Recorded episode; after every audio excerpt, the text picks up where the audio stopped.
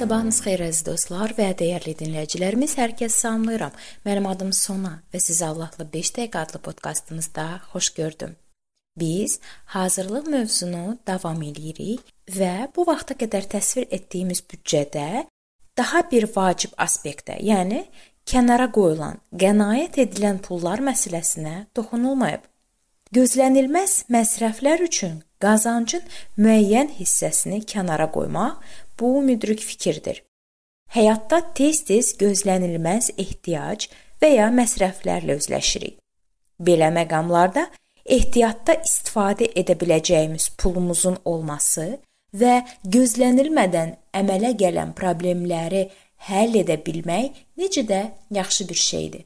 Bundan başqa, sadəcə gündəlik ehtiyaclardan daha böyük məqsədin olması, ona can atmaq əladır.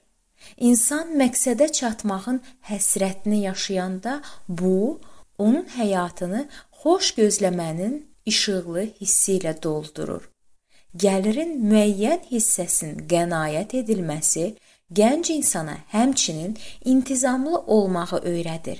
O, qazandığının hamısını xərcləməyinin yol verilməz olduğunu dərk edərək özünü saxlaya bilir və əlbəttə ki, qənaət edilərək kənara qoyulan pullar adama gözlənilmədən əmələ gələn bəzi maliyyə imkanlarından istifadə etməyə imkan verir.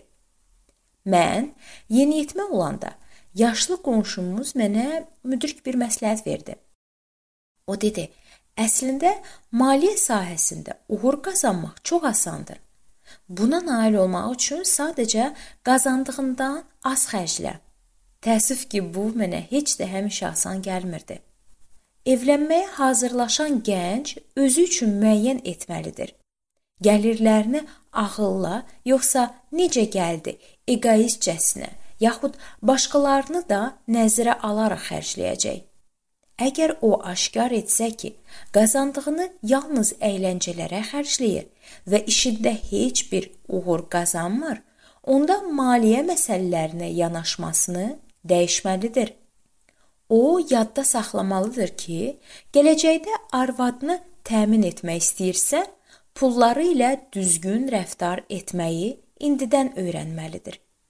O özünə deməlidir: Əgər mən arvadımı həqiqətən sevsəm və onu hər bir şeylə təmin etsəm, onun rifahı naminə öz istəklərimdən vaz keçməliyəm. Yaxşı olar ki, bunu indidən öyrənim. Hər hansı qız təhlükəsizlikdə yaşadığı doğma evini mənə görə tərk etsə, mən isə onu ev və uyğun həyat şəraiti ilə təmin edə bilməsəm, çox böyük ədalətsizlik olar. Gənc qız özündən soruşmalıdır. Pulumu həqiqətən də dəyəri olmayan əşyalara xərcləyirəmmi? Bəlkə ailəm olan vaxt üçün müəyyən məbləğdə pulu kənara qoyum. Ailə quranda ərimin mənim üçün ala və ya edə bilməyəcəyi cəhcəlala, rahatlığa, oyun oyuncağa aludə olmamışam ki. Bəlkə gələcək ərimin gücü daxilində olacaq həyat tərzinə indidən uyğunlaşım.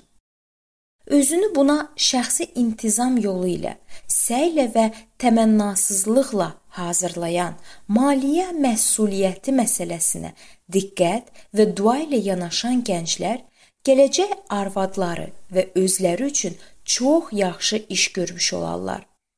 Onlar maliyyə məsələlərində məsuliyyətsiz yanaşan insanların qarşılaşdıqları çətinliklərdən yan keçə bilərlər. Onların həyatı Allahın sevinclə xeyir-dua verəcəyi bir məcrada axacaq və onlar qarşıya qoyduqları məqsədə çatmağın zövqünü yaşayacaqlar.